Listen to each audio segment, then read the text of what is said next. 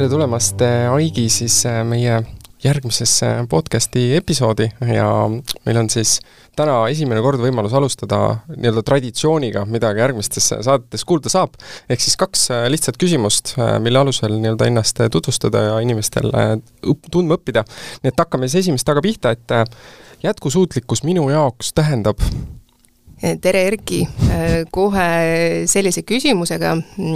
jätkusuutlikkus minu jaoks tähendab Äh, mõtteviisi, äh, kuidas me ühiskonnas areneme äh, säästlikult ja ressursse siis mitte halvasti kasutades ja, ja kindlasti siin me peame siis arvestama inimeste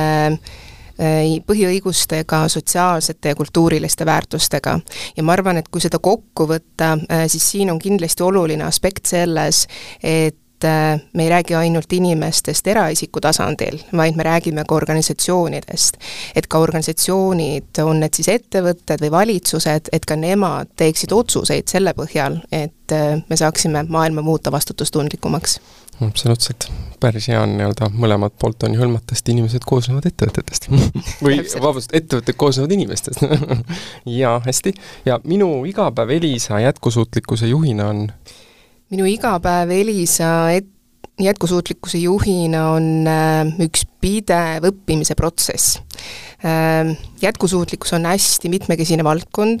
ja, ja Elisas ka me tegutseme jätkusuutlikkusega üle terve organisatsiooni. et jätkusuutlikkus ei sünni kuskil eraldi ühes toas, vaid kaasatud on äriüksused, tugiüksused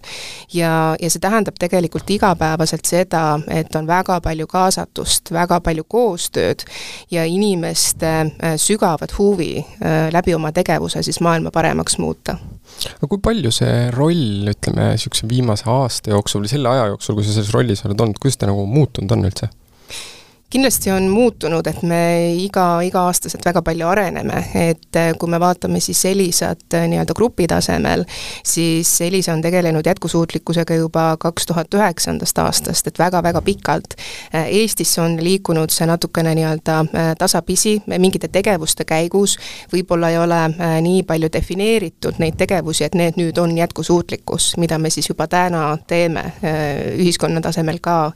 et me peamegi vaatama seda poolt, poolt, äh, milline on siis Eestis jätkusuutlikkuse küpsustase. kui äh, võrdleme siin Skandinaavia maadega, siis see küpsustase kindlasti on oluliselt madalam ja, ja sellest äh, sõltuvad ka need tegevused, mida nüüd ettevõtted teevad sellel tasandil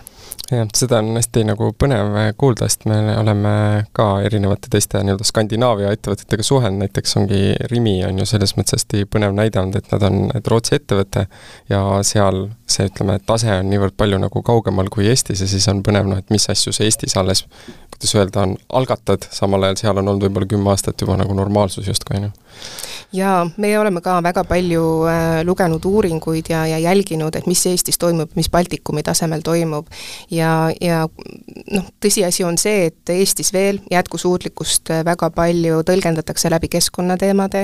Äh,, Skandinaavias see enam nii ei ole ammu ja, ja seal on nii-öelda sellised sotsiaalsed ja majanduslikud ja, ja, ja ka poliitilised aspektid äh, väga tugevalt jätkusuutlikkusega seotud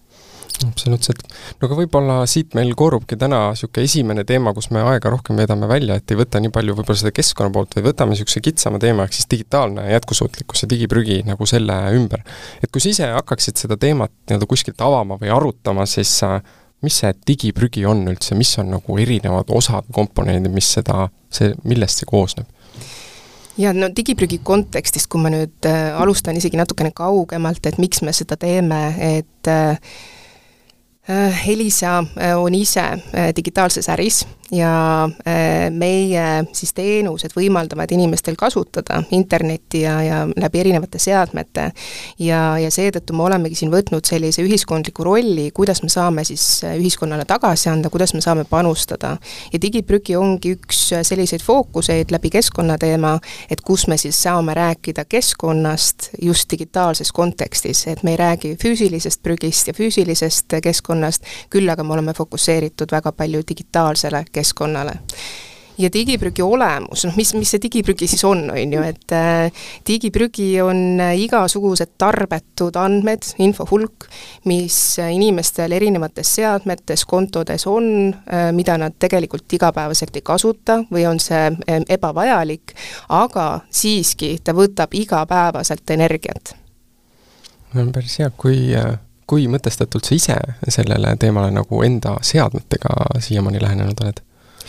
No mina ise ähm, jälgin üsna tihti, minu, mulle meeldib, kui minu seadmed on korras. Äh,, kindlasti mul on arenguruumi päris palju, eriti kui me räägime siin Google fotodest, et äh, fotosid on alati väga keeruline kustutada. aga äh, väga hästi aitavadki sellised igapäevased nügimised, et kui on e-kirja jaluses meeldetuletus, et kustuta ära ebavajalik e-kiri või, või korraldataksegi globaalne digiprügi koristamise päev, et need on väga head meeldetuletused, et kus kus kindlasti oma seade haarata kätte ja, ja al-, alustada siis sellist kustutamist. Ja, ja mina tegelikult vaatan ka üsna regulaarselt, et ma olen enda jaoks teinud sellise, ma ei tea, korra kuus, et, et ma vaatangi, millised on siis minu kaustasüsteemid, milline on minu e-postkast, mida ma saan sealt kustutada. et ma arvan, et see regulaarsus ongi see võtmekoht ka, et, et me teadvustaks, et digiprügi on probleem mm -hmm. ja, ja mitte ainult korra aastas, vaid oluliselt regulaarsemalt jõuaksime sellega tegeleda ja see on hästi põnev, ma olen ise ka, ütleme, sellel teel siis võib-olla nagu pikalt olnud või hullult vaatab, milline näeb välja enda näiteks arvuti desktopi cover. Ja siis äh, mul on see täiesti tühi või noh, mul on üks äh, kaust seal põhimõtteliselt. Ja ongi kõik, ma kõike muud nagu pean otsima. Ja siis vahel, kui näed kellegi teise arvutit, kus on see võib-olla niisugusem tüüpilisem seisukord, et seal on viiskümmend kausta, siis mõtled, täitsa lõpp, kuidas inimene saab niimoodi on üldse, üldse elada. Ja see on, see on tegelikult on hästi põnev nagu mõelda, et äh, ühelt poolt see ju teeb äh, vaimule olemist, on ju hästi kerge, palju kergemaks või noh, see on see, miks ma tegelikult selleni jõudsin, ja siis ringiga korraldades jätkusuutlikkuse festivali, sa avastasid, et jah, tõesti, et äh, et see on digiprügi veel ka lisaks, et näed, et ei tohi või ei tasuks hoida niisugust hulka nagu endal kuskil jah, tilbendamas, sest see kõik võtab mingisugust nagu energiat ja, ja lisaks energiale ta ju tegelikult on äh, ka sellise digitaalse turvalisuse aspekt. et äh, kui sul on vähem materjali, mille sees sa pead otsima, äh, siis kindlasti sul on oluliselt lihtsam hallata oma materjali ja seeläbi sa suudad ka siis hoida neid ligipääse turvalisena. et kui sul ongi näiteks rakendusi telefonis ähm, kümneid ja kümneid, mida sa tegelikult ei kasuta, aga kunagi oled loonud sinna konto, siis sinu ju paroolid ju kõik seisavad seal. ja, ja sama samamoodi siis äh, näiteks tööl failide ligipääsudega, et mida kor-, korralikum sul on selline failide süsteemsus ja, ja mida vähem duplikaate, seda lihtsam on sul hallata ka sellist äh, digitaalset äh, hügieeni ja, ja turvalisust. absoluutselt, no aga kui võtta suu just indiviidi vaade nagu kust, kus sul endal see niisugune klikk käis või algus sai, noh et miks sa leidsid, et see üldse on oluline teema, millega tegeleda? Füüsilise prügi osas on ju väga-väga mitmeid aastaid räägitud, et äh, see on probleem, äh, see reostab meil keskkonda ja, ja siin on äh, reaalsed kasvuhoonegaasid, mis on selle tulemus. digiprügi osas minu jaoks oli väga oluline see taipamine, et probleem on selles, et inimesed ei näe seda ja inimesed ei tuvasta seda igapäevaselt. ja, ja siin on just see pool, et kus sa avastad, et ma tegelikult toodan äh, keskkonnale kahju läbi emissioonide, reaalsete emissioonide, aga ma igapäevaselt ei mõtle sellele. ma ei, ma igapäevaselt ei, ei vaata, kui suur see andmemaht on, millega minu telefon peab hakkama saama, ja, ja ma arvan, et see oli see, kus see minul klikk ära käis, et tegelikult väga paljud inimesed, meil kõigil on seadmed, telefonid, tahvlid, tahvlid, arvutid, et me igapäevaselt koormame väga palju nii-öelda äh, neid, neid seadmeid, mõtlemata, et me tegelikult reostame keskkonda et siin võib hästi hea näite tuua, et kõik äh, internet ja, ja sellega kaasnevad äh, seadmed äh, tänaseks toodavad umbes üheksasada miljonit tonni äh, CO2. ja väga hea võrdlusena on siin lennuliiklus, et kõik teavad, et lennu, lendamine on ju kõige kahjulikum üldse keskkonnale. et äh, tegelikult seesama üheksasada miljonit tonni ongi neli protsenti siis maailma äh, kasvuhoonegaaside ja jäätmetest ja see on täiesti võrreldav lennuliiklusega paistab, et näed, kui me natukene rohkem endal faile kustutaks, siis, siis aitaks sama palju kaasa kui mittehindamine, on ju jaa, ja just see teadlikkuse aspekt on, sest väga paljud ikkagi nii-öelda seda digitaalset prügi veel ei teadvusta ja, ja ma arvan, et siinkohal ongi see, et, et kui me juba teadvustame, on see väga suur võit meie jaoks jah, absoluutselt. aga kui võtta siis nagu ettevõtte vaade siia nii-öelda kõrvale, et see oli, näed, mis just indiviidina aitas seda nagu taibata ja tekkis see nii-öelda nagu teadlikkus, et kas te olete mingis nagu formaadis Elisa poolelt siis ka vaadanud, et näiteks kui palju teil nagu selle osas mingid mahud on või noh, et mis on need suurimad kohad, kus seda näiteks säästa on äh, olnud võimalik mm? -hmm meil on hästi tore, et me liitusime siin märtsikuus äh, ülemaailmse äh, digikoristuspäevaga ja kutsusime äh, kõiki oma tuhandet töötajat üles digiprügi koristama. et ma arvan, et organisatsiooni roll selles digikoristuses on väga suur, sellepärast palju digiprügi luuaksegi töökohtadel. Ja, ja meie võtsime ka sellise rolli, et, et see on oluline meil ka nii-öelda majja sisse ja, ja kutsusime oma töötajaid sellega tegutsema. ja, ja siin oli väga huvitav nüanss tegelikult see, et kuhu, kuidas me jõudsime selleni, et meil organisatsioonis on vaja sellega tegeleda, see tuli läbi töötajate tagasiside. töötajad ise tundsid, et see on nende jaoks oluline ja, ja loomulikult on see ka nii-öelda organisatsiooni jaoks oluline, mis on töötajatele oluline. ja, ja see oli väga tore väljakutse ja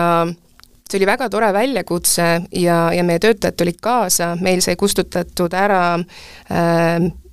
kümne tuhande äh, minuti jagu siis HD äh, täispikkuses filme, ehk siis äh, selline nii-öelda kogus, et kuna me ise ka nii-öelda oleme siin meelelahutusäris, siis me saime kohe väga hea võrdluse, et kui palju tegelikult ühepäevase väljakutse raames me suudame digiprügi koristada eks tööalaselt see on alati nagu keerukas selles osas, et kuidas sa otsustad, mis on sinu jaoks digiprügi ja mis on sinu jaoks oluline info. et äh, siin peab iga inimene vaatama seda väga-väga konkreetselt läbi siis oma nagu töölaua. et äh, me isegi oleme jõudnud selleni, et arutanud, et äh, kuidas oleks digiprügi koristamist võimalik automatiseerida. et see on ka kindlasti väga huvitav selline võimalus, et kus siin ma usun, et startup'id kindlasti saaksid seda kasutada ja sellest midagi, midagi luua. ja, jah, mingi väike plugin, mis automaatselt teatud aja tagant hakkab lihtsalt üle käima failisüsteeme. aga kus te, olete te kuskile sellega ise siis välja jõudnud? Äh, meie ise ei ole seda välja, välja nagu töötanud, aga, aga see on käinud nagu läbi, et kuidas tegelikult on võimalik ka digitaliseerimise kaudu äh, ka digiprügile nii-öelda vastu saada et see on hästi noh, põnev, sest olles siis ise ka ürituskorralduses, siis tegelikult seesama ju väljakutse, et näed, sa teed festivali ju iga-aastaselt, sa võtad samal ajal selle kõik üle, et inimene saaks asukohast hoolimata tegelikult ju tulla ja, ja kaasa nii-öelda vaadata või ka hiljem on ju vaadata, aga et kui kaua ta peaks saama seda vaadata, kui palju seda vaadatakse üldse pärast järgi, et noh, et kas sellel on väärtust tegelikult hoida või et kas see peaks YouTube'i pärast üles minema, et kõik saaks seda vaadata, aga võib-olla ikka on ju vaadata, et selles mõttes nagu põnev, põnev teekond, millal olla, et näed, mida võtta ja mida nagu jätka. aga ütleme, kas see oli see miski, mis siis tuli teil nii-öelda nagu töötaja poolt ja see, või töötajate poolt ja sealt sai see alguse ja te nii-öelda tegi, tegite seda digiprügi, on ju, koristamist, mis te olete nüüd siis nagu muutnud, et see oleks ennetuse pool oleks siis ka sees, et kas te protsessid on kuidagi muutunud, et te juba ma ei tea, hindate rohkem seda, et mida on tarvis hoida ja mida mitte? Ja kindlasti siin on oluline selle regulaarsuse tekitame, tekitamine, et teadlikkus on üks pool ja, ja teine kindlasti see, et need oskused igapäevaselt praktiliselt kasutusse võetakse. ja me oleme praegu teinud siis ähm, ühe sellise väikese piloodi, kus me panimegi, kinnitasime e-postkasti siis jalusesse äh, meeldetuletused, et iga kirja saatmine äh, võtab siis neli grammi CO2 ja kui sa seda kirja enam ei vaja, siis palun kustuta see. et see on selline üks väikene nügimise võimalus, kus igapäevaselt on võimalik siis äh, nii meie endale töötajatele kui ka väljaspoole, kes neid kirju saavad, meelde tuletada, et äh, et tee, tegele sellega regulaarselt, et see on midagi, mida igapäevaselt jälgida jah, tõsi, see on päris hea asi, ma selle avastas isegi, ma ei mäletagi, poole aasta või aasta eest ja hakkas päris eh, kõvasti neid email'e kustutama, et väga palju on, tuleb ju niisuguseid a la kalendrikutseid, mis sa täpselt, sa kinnitad ära, sul ei ole eales seda asja veel tarvis, aga nii lihtne oleks teda nagu alles jätta. kas on veel mingeid niisuguseid äh, kuidagi protsessi muudatusi, mis te olete näiteks teinud, et, et hoida seda jalajälge digitaalselt väiksemana? Meil on mitmeid nagu äh, tegevusi, mida me siis nii-öelda in-, inimese tasemel teeme, et ma arvan, et siin ongi hästi oluline see, et äh, töötajad ise äh, tegeleksid oma teadlikkusega, oma rutiinidega, sest meie kui organisatsiooni roll on seda pidevalt meelde tuletada ja sellega pidevalt tegeleda, et, et tekiks selline nagu väikene nügimine, et ma arvan, et siin digiprügi kontekstist, kuna see on pigem harjumuslik tegevus, et see on väga tugevalt seotud inimese enda siis igapäeva äh,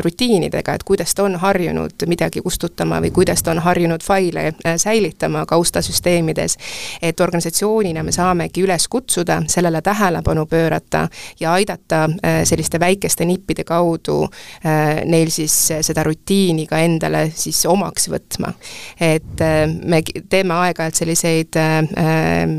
digilehe äh, uudiskirju, kus me siis ka saame selliseid väikeseid nipikesi nagu kaasa pakkuda, et mida siis meie töötajad saavad teha, et olla ise jätkusuutlikumad oh, väga tore, et see on siis, et äh, kümme parimat viisi, kuidas oma digitaalset jalajälge justkui väiksemana hoida. tore, tore, tore kuulda Äh, aga ütleme, et näed, et te olete ka selle alguse nii-öelda nagu ära teinud ja see on see, kust see tegelikult tegevus on nagu käimas, mis, mis on nagu mingid niisugused järgmised sammud, mis te plaanite siis veel võib-olla sisse integreerida, mida hetkel veel tegelikult jah, tegema ei ole hakanud? nii, need järgmised ülesanded, et mis meil on, on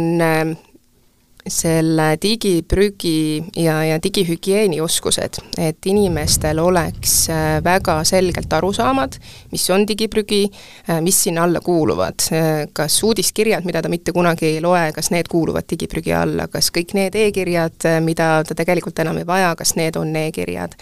ja, ja kuidas siis äh, hoida äh, töös, tööalaseid seadmeid korras. ja, ja ka selline teadlikkus selle poole pealt, et kui sa seda digiprügi koristad, siis ka sinu seadme eluea pikkus suureneb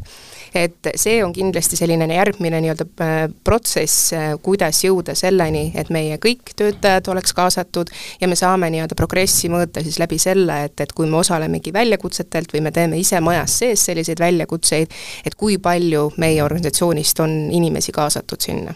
jaa, vot et see on äh, tegelikult päris hea pool minu arust, mida sa hakkasid praegu välja tooma, et just see nagu mõõtmise pool, sest ühelt poolt on hästi lihtne ju aru saada instinktiivselt, et näed, see on oluline ja seda tuleb teha ja noh, kõik tegelikult mõistavad, et seda on oluline teha, võib-olla me natukene näed, võitleme sellega, et kas me viitsime teha või ei viitsi, on ju, nagu teha, aga siis järgmine pool tegelikult tulebki, et näed, et kui hästi sellega siis läheb, noh et kas see toimib, on ju nagu ka. et ma saan aru, et üks asi ongi, mida te mõõdate, on siis see, et kui suur hulk inimesi on kaasatud selle, sellesse, jah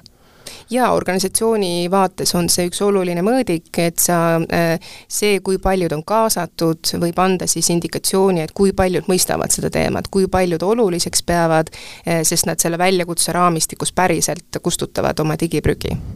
okay.. ja, ja kindlasti siin on ka see pool, et äh, täna me teadlikult nagu mõõdame ka äh, nende väljakutsete raames siis äh, seda mahtu, kui palju siis on päriselt siis organisatsioonis kustutatud digiprügi, et me ei tee seda nagu täna veel regulaarselt, aga just selliste väljakutsete raamistikus on hästi hea ka näha, et kui paljud osalesid, mis see maht on ja selle pealt saab sellise kena aasta lõikese või, või, või hea sellise progressi näha, mõõdiku, et kas järgmine aasta me juba suudame rohkem digiprügi koristada. sest digiprügi on ju selline, mis kunagi ära ei lõpe. et me igapäevaselt ju toodame neid äh, andmeid peale ja e-postkast ju saab meil kogu aeg äh, nii-öelda äh, igapäevaselt tuleb kirju sisse, et see on midagi, mida me saamegi aastate lõikes vaadata ja jälgida, kui palju meil on järgmine aasta digiprügi koristatud, kui palju ülejärgmine aasta jaa, need ju numbrikasvud on olnud ka meeletud, et ma mäletan isegi, kas ma magistris äkki uurimustööd tegin, siis oli eh, varasem Google'i juht oli vist niisuguse asja andnud, et me maailma algusest kuni a la kahe tuhande kolmanda aastani lugesime, lõime sama palju vist eh, andmemahtu, kui pärast seda me loome iga, ma ei mäleta, kahe aastaga või noh, mingid täiesti müstilised numbrid ja see on ainult ju kiirenenud ja kasvanud jaa, siin võib-olla ongi hea ära märkida selle, et tegelikult äh, see maht kasvab tohutu kiirusega ja miks on vaja digiprügi koristamisega koheselt tegeleda ja regulaarselt, on see, et äh, kui täna juba me saame seda mahtu võrrelda lennuliiklusega, siis äh, prognoos on, et kaks tuhat kakskümmend viis see maht kahekordistub. et tegelikult me seisame silmitsi väga suure probleemiga, millega on vaja tegeleda jaa, see on hästi põnev, et Cal Newport on üks autor, kes tegelikult räägib sellest nii-öelda digitaalsest minimalismist eh, ka hästi palju. Ja see ongi see, et me, me näeme kõiki neid seadmeid ja tehnoloogiat alati nagu plusspoolena ja tas ongi väga palju, on ju, plusspooli, sest ta ühendab meid kõikidega ja teeb kõige tegemise kiiremaks ja lihtsamaks, samal ajal tegelikult ongi, et seal tuleb ju see teine pool ka kaasa, et täpselt, et ega meil siis, kui oli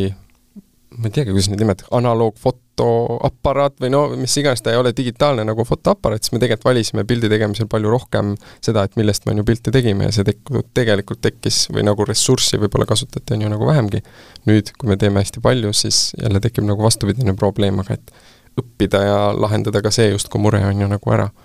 aga mis siis, äh, mis siis mõni niisugune suurem number on olnud, mida tasub siin nagu välja visata ja kohe teisi ettevõtteid innustada, et kuulge, et tehke üle, olge paremad või näidake ka? Ma arvan, et igal organisatsioonil on see number täiesti erinev, see sõltub väga suuresti eh, nende töötajate kollektiivist, sellest, kui teadlikud on, et ma võib-olla siin nagu mingit numbrit välja ei hakkagi nagu hõikama, aga, aga pigem see ongi selline sisemine arusaamine, et eh, mina kui organisatsiooni töötaja, kuidas ma saan aidata kaasa ka organisatsioonil väikesemat jalajälge siis saavutada jah, tõsi, tõsi, et füüsilist aktiivsust juba aitavad mitmed äpid on ju mõõta, et nüüd aitaks meil ka digitaalset äh, aktiivsust või mitteaktiivsust või mõõta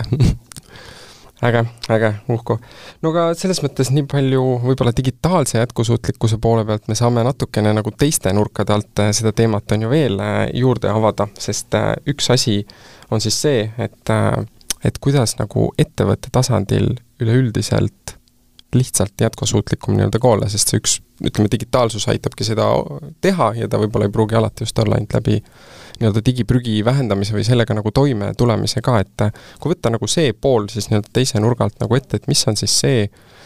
mis äh, te olete äh, üleüldiselt nagu digitaalselt jätkusuutlikumaks muutnud, et enda nagu ka laiemat jalajälge vähendada mm? -hmm Elisa äh, tegutseb digitaalses äris ja, ja see tegelikult tähendab juba jätkusuutlikkuse kontekstis seda, et meie tooted ja teenused aitavad väga suuresti äh, säästa siis äh, süsiniku jalajälge. aitavad säästa seda meil endal, aga aitavad säästa seda ka meie klientidel ja ühiskonnal laiemalt. et me võimaldame ju väga kiiret ühenduvust, me, ja läbi selle me saame näiteks võimaldada kaugtööd. et kaugtöö ja ja, ja paindlik äh, selline tööviis on kindlasti nagu üks väga oluline jätkusuutlikkuse komponent, sest äh, sellega me äh, väga palju aitame kaasa siis transpordi ja liikuvuse probleeme vähendada. Ja et, et see on üks nagu aspekt, kus, kus Elisa saab nagu sam-, samamoodi ühiskondlikult panustada ja, ja läbi meie äritegevuse siis meie kasutajate siis süsiniku jalajälg väheneb. ja, ja meie kontekstis see tähendab ka seda, et, et seda saab lugeda süsiniku käejäljena ja, ja süsiniku käejälg ongi tegelikult äh, selline positiivne äh, termin ja see tähendab seda, kui kellegi teise äh, tegevus mõjutab siis tarbijate ühiskonna jalajälje vähendamist ja see metoodika töötati välja Soome teadlaste poolt, olelusringi siis ISO standarditel põhineb see, et see on kindlasti nii-öelda üks oluline nüanss, mida siis mõtestada, mõtestada just digitaalsete teenuste puhul. Et, äh, et digitaliseerimine kui selline on ju, on ju väga kasulik äh, rohepöördes, et ka riiklikult on välja öeldud, et digitaliseerimine on üks oluline komponent, kuidas me siin äh, kestlikult saaksime siis jätkusuutlikkust tagada ja ma arvan, et siin ongi äh, ka meie roll väga, väga nagu oluline.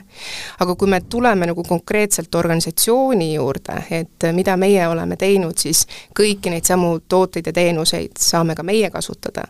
ja, ja meie jaoks äh, on näidanud äh, pikk kogemus, et meie töötajad väga hindavad kaugtööd ja paindlikku tööviisi ja, ja seda juba pikemat aega, et mitte ainult nii-öelda nagu Covidist tingitult, et, et siis said ka kõik otsustada, kuidas nad ise nii-öelda leiavad omale sobiliku tööviisi, aga see on siiamaani nii-öelda säilinud ja, ja kaugtöö on kindlasti midagi sellist, mida me soodustame. ja Äh, kaugtööst võib-olla siis selline nagu järgmine samm on äh, kindlasti äh, see, et eelmisel aastal me tehnoloogiaüksuses piloteerisime neljapäevast töönädalat. Ja, ja see võib-olla on siis selline üks hea võimalus, kuidas üldsegi töö ja, ja elukvaliteeti tasakaalu leida. et ka see on oluline jätkusuutlikkuse osas, et kuidas, kuidas me selle nii-öelda vaimse tervisega tegeleme, kuidas me tege-, tegutseme tasakaaluga, et et, et ka see on see, mida me võimaldame oma, oma töötajatel see on väga põneva mõista, ma pean tunnistama, et seda käe-jala, käejälje poolt äh, ei olnudki varem nii-öelda nagu tundnud või kuulnud. aga kui võtta, sa ütlesid, näed, et täpselt, et see töötajate poolt on see tegelikult nagu pikalt juba ka üles nagu tulnud, kas siin on ka mingisugust äh, nagu vahet olnud äh, demograafiliselt, noh et kas on vanemad, noorte, kes nii-öelda rohkem, kes vähem nagu eelistab äh,, samamoodi ka tegelikult digiprügi osas, et kes on see, kes rohkem, kes vähem nende teemadega nagu kaasa tuleb hetkel? no kindlasti tuleb mainida, et on äh, ametikohti, kus ei ole äh, kaugtöö või paindlik tööviis üldse võimalik, et see on nagu kindlasti üks oluline aspekt, mis tuleb ära märkida. et mitte ainult meie organisatsiooni puhul, vaid, vaid ka nagu üle Eesti või üle maailma, et, et see nii lihtsalt on. aga nende puhul, kus see on võimalik, see väga palju sõltub inimese, äh, inimese enda soovidest. milline see inimene on karakterina, milline ta on igapäevasuhtlusest, kas ta on rohkem äh, see inimene, kes tahab kontoris inimest, teiste inimestega suhelda, või, või talle meeldib teha siis äh, tööd äh,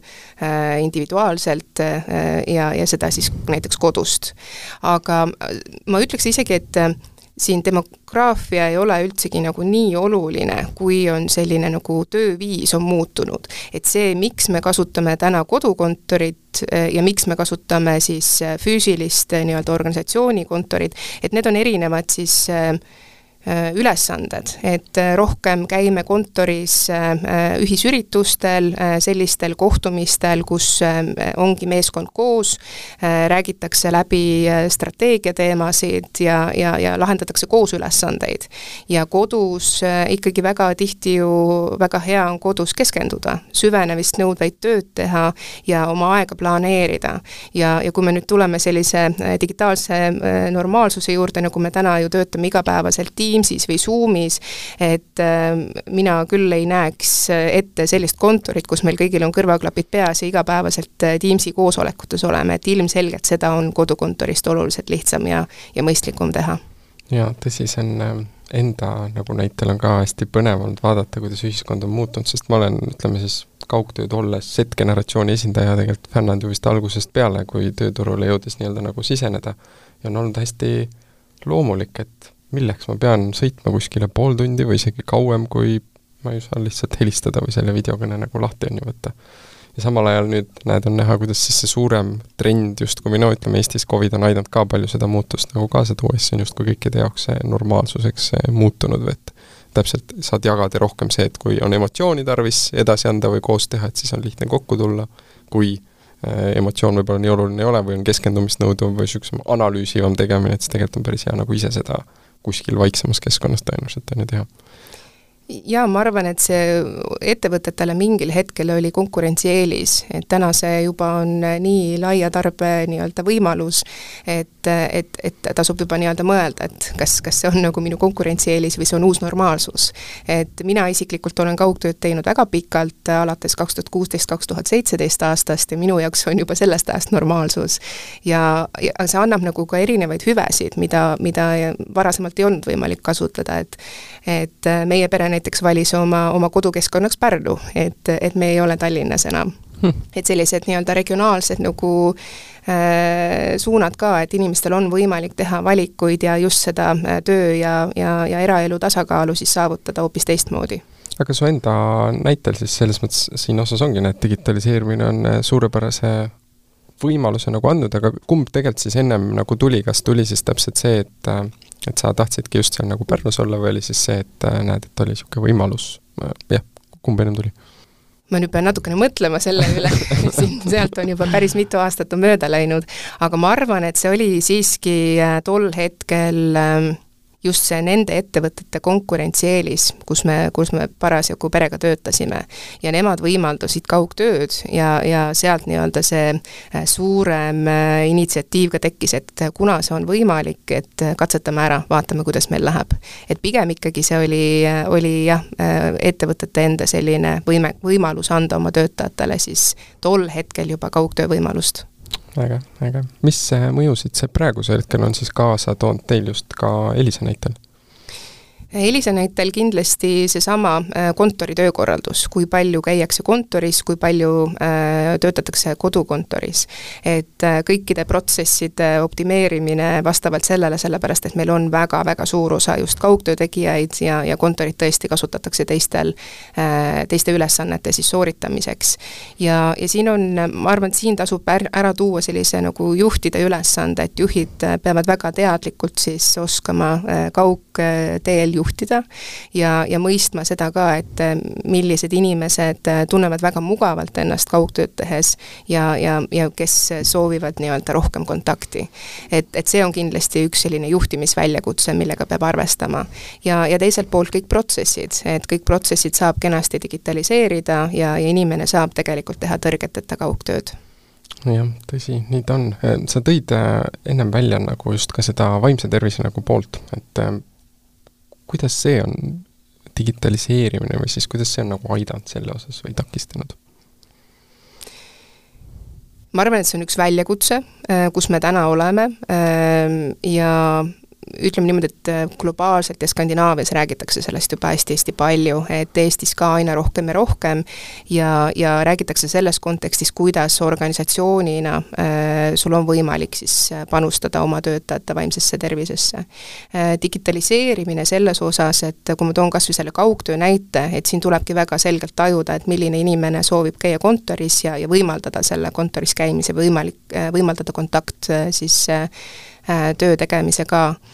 Äh, aga, aga digitaliseerimine teiselt poolt võimaldab ka väga palju toetada ja aidata. meil on väga palju häid õppematerjale, väga palju koolitusi,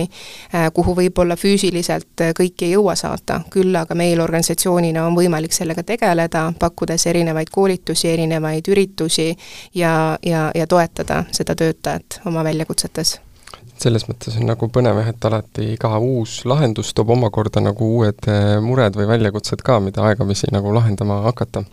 ja teiselt poolt mul on nagu põnev kuulates siis teie näidet, eh, koorub justkui nagu välja, et näed, et sa ütlesid, et noh, et see demograafia pool tegelikult ei ole nii palju, ei olegi oluline, et on oluline rohkem nagu see isiksuse tüüp, et see toob justkui ka juhtimisse siis sellise põneva väljakutse või arenguvajaduse, et juht peab rohkem täpselt oskama inimestega väga edukalt eh, toimida, kuivõrd võib-olla olla traditsioonilisem juht, mis nagu aastatekümnete taga võib-olla see definitsioon oli, et ta peab niisugune liiderlikum, liidri tüüpi rohkem olema, et läbi emotsiooni võimendama ja, ja jõustama nagu inimesi. hästi, selles mõttes põnev, põnev nii-öelda äh, kuulata, äh, kui sa rääkisid nagu palju ka sellest, et äh, näed, et see on nagu noh, te olete avastanud ja see on nagu töötajate poole pealt nii-öelda tulnud, kui võttagi see nii digiprügi kui ka digitaalne nagu jätkusuutlikkus teemana, et kes on võib-olla sellised äh, head mingid eeskujud või benchmarkid, kellelt sa isiklikult äh, proovid õppida ja kellelt äh, nagu ettevõtte tasandil ka õpite? Mm. -hmm. no eeskujusid on ju äh, igapäevaselt, sa kellega koos töötad, vaatad, kes midagi hästi teeb, sa juba vaatad seda nagu eeskujuna ja, ja proovid õppida. ma arvan, et siin on äh, erinevas kontekstis eri, erinevad eeskujud, et et kui me räägime siin jätkusuutlikkusest, siis kindlasti tasub vaadata Skandinaavia maadesse, millega nemad täna silmitsi seisavad ja, ja ja meie tulevik on see tõenäoliselt. et, äh, et, et siin kindlasti Skandinaavia maade ettevõtted, kuidas nad tegutsevad, meil on selles mõttes äh, õnn, et meie emafirma ise asub Soomes ja, ja me saame kindlasti väga palju neilt õppida ja, ja vaadata, millised kogemused neil tänasel päeval on jätkusuutlikkuse osas ja, ja ma arvan, et siin on selline pidev õppimise protsess ka meie äh, organisatsiooni äh, siis väärtuste osas, on see uuenevus just olulisel kohal ja, ja pidev agiilne areng. et, äh, et see toimubki sellises sünergias, meie enda töötajad annavad väga palju tagasisidet ja, ja innovatsioon kindlasti on väga oluline, kui me räägime siin kestlikkusest ja jätkusuutlikkusest, et kuidas üldse lahendada erinevaid väljakutseid. nagu sa ütlesid ka, et iga uus võimalus loob jällegi äh, Äh, kas selliseid väljakutseid või takistusi, mida sa pead lahendama. ja, ja innovatsioon kindlasti aitab nendega siis äh, edasi liikuda. et äh, innovatsiooni osas me väga palju õpime ka startup idelt ja teeme nendega koostööd, et selleks aastaks me oleme juba kuuendat aastat äh, koostööpartner Ajujahil ja, ja, ja seal on väga hea moment, kus me saame ise õppida, näha, äh, kuidas uued iduettevõtted tulevad uute jätkusuutlike ideedega, kuidas nemad maailma mõistavad, aga samas ka anda vastu siis mentorlus, sparringut äh, või olla, olla siis testkliendiks. et see on üks hea viis, kuidas, kuidas maailma saavadki sündida siis uued äriideed, mis lahendavad lahendavad neid ähm, uusi maailma väljakutseid. selles mõttes on hea olla jah, kohas, kus on sada või mitusada samasugust või, või ka sarnast nii-öelda veel on ju kohal, sest siis sa näed nii eri perspektiivi, et on päris nagu lihtne sellest on ju õppida. mis su enda vaates, äh, kelle pealt sa viimased paar õppetundi oled saanud või, või kust sa nii-öelda tarkusi juurde ammutad, et jätkusuutlikum digitaalselt olla? Ma arvan, et siin tasub kindlasti olla kursis äh, kirjandusega, et äh, raamatuid lugeda äh,, vaadata äh,, õppida teiste ettevõtete kogemustest. meil on selline tore kooskäimise viis äh, nagu innovatsiooniliidrite klubi ja, ja seal ka äh, sünnib väga palju õppimist teistest ettevõtetest, millised on teiste ettevõtete väljakutsed ja, ja ka sellist koostööd või, või, või seda, mida sa saaksid ise oma ettevõttes rakendada. et, et see on kindlasti nagu üks, üks pool, et äh, mina olen seda meelt, et inimene õpib, äh, kui ta midagi kogeb, midagi näeb ja, ja, ja sealt ta suudab nii-öelda inspireerida ja vaadata, et mis on see, tükk, mida ta saab endaga kaasa võtta. kas ta saab seda kasutada oma eh, ettevõttes, isiklikus elus või, või kuidas ta seda nii-öelda endaga siis tulevikus kaasas kannab? tõsi jah, selle osas on ju ka mastermindid on, on väga head need asjad, mida teha, et mitte ainult digitaalse jätkusuutlikkuse teemal, vaid no mis iganes, alustades ja investeerimisest kuni siis täpselt oma jalajäljega nagu ümberkäimiseni no me vaikselt hakkame siin võib-olla nii-öelda nagu lõpule lähenema ka ja siis tasub niisuguseid sujuvaid äh, kokkuvõtvaid küsimusi ehk isegi küsida, et mu niisugune üks viimaseid küsimusi sulle siis tegelikult olekski siis see, et äh, näed, et sa tõid ajujahti juba nagu väga hea näitena sellest, et saab teiste pealt nagu õppida, aga kui ma olen võib-olla teekonnal rohkem alguse poole, võib-olla olen ka tegelikult väga suur ettevõte juba nagu hästi teinud, siis olles Elisa nagu jätkusuutlikkuse juht, mis oleks võib-olla selline üks kõige olulisem nagu tegevus, mida teha, et neid äh, lahendusi ja võimalusi aina uusi tekiks nii-öelda peale ja peale see areng ei peatuks? siin on vaja äh, pidevat teadlikkust sellest, mis maailmas toimub, millised on väljakutsed, millises äh, valdkonnas see inimene või see ettevõte tegutseb, et kindlasti vaadata sellist tulevikuvaadet ja, ja, ja seda hoida kogu aeg silmas, ükskõik millisel teekonnal ta täna on ja ma, ma arvan, et äh, mille osas täna on väga suur äh, küsimus ja väga suur väljakutse kõikidel ettevõtetel on, et kuidas leida need kestlikud ärimudelid. et, ähm, et, et see on mingisugune selline äh, hetk täna meil Eestis ja, ja globaalselt, kus me peame leidma sellise uue lähenemise sellele, et kuidas me äri üldse teeme. Ja, ja, ja siin on nii-öelda selline käsikäes tarbijatega areng, et ka tarbijatelt kas tuleb tagasi tagasiside, et sellist kestlikku ärimudelit on vaja või selle nõudlus on, aga ka see, kuidas nii-öelda meie kui ettevõtted suudame pakkuda äh, siis äh,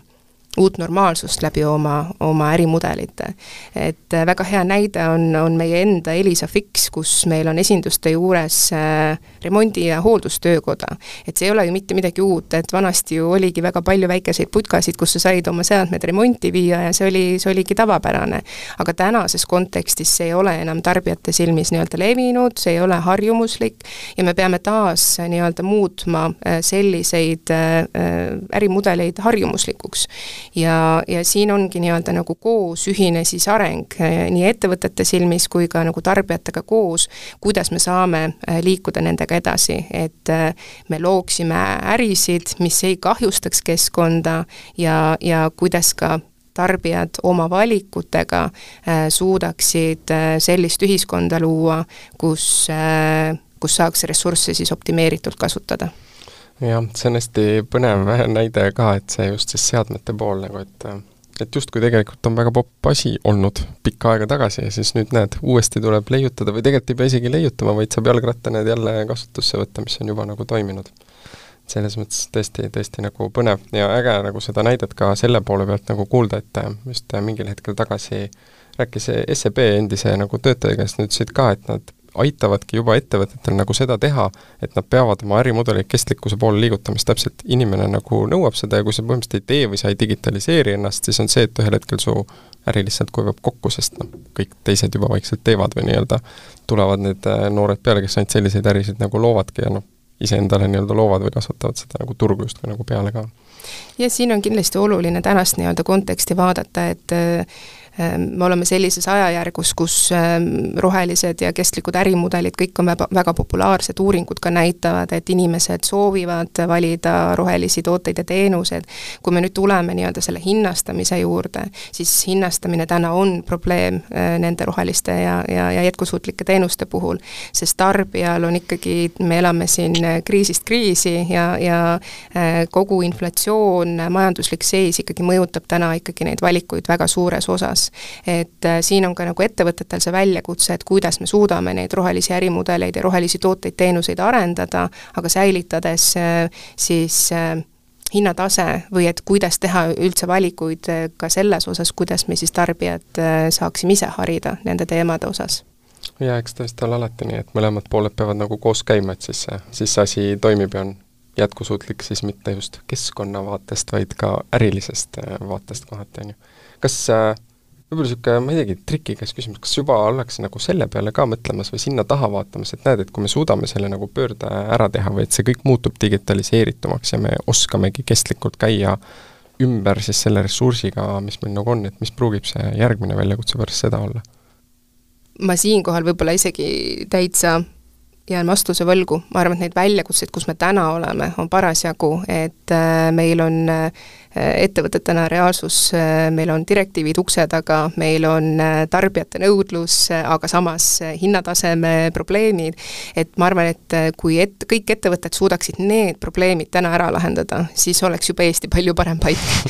et, äh, et neid väljakutseid kindlasti tuleb, et, et siin on seesama pidev uuenemise nagu oskus, et kui ettevõtted on võimelised kohanema uute, uute oludega, uute trendidega, siis, siis ma arvan, et kõik need ettevõtted ettevõtted saavad ellu jääda. et see kohanemisoskus ja, ja innovatsioonioskus, et see on midagi, mida siis täna tasub väga nagu silmas pidada ja ära õppida no absoluutselt, muutume algul kestlikeks, siis vaatame, mis need järgmised viisid edasi arenenud on. no aga väga hea, me sujuvalt jõuame siis meie teise traditsioonilise esimest korda tehtava koha juurde, ehk siis lõpuküsimusteni ka, nii et Aigi, mis võiks olla üks raamat, mida kõik, kui me võtame digitaalse jätkusuutlikkuse, siis lugeda võiksid? Või peaksid lausa, tahaksid? jaa, digitaalse jätkusuutlikkuse, ma võib-olla isegi nagu laiendaksin seda selles osas, et äh, see digitaliseeritus on nii läbi põimunud kogu jätkusuutlikkuse erinevatest valdkondadest, et äh, jätkusuutlikkuse valdkond on ju, on ju väga mitmekesine. ja, ja ma tooksin võib-olla sellise hea näitena Bill Gatesi, siis How to avoid climate disaster, äh, eesti keeles see vist ka peaks juba olemas olema, et äh,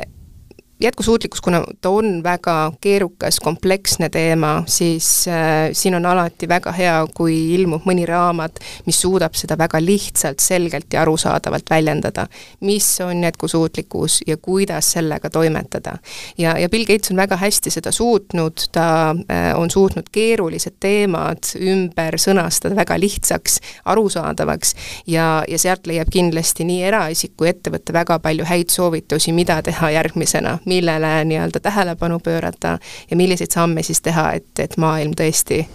äh, suudaks jääda äh, väga nii-öelda säästlikuks ja, ja ühiskond jätkusuutlikuks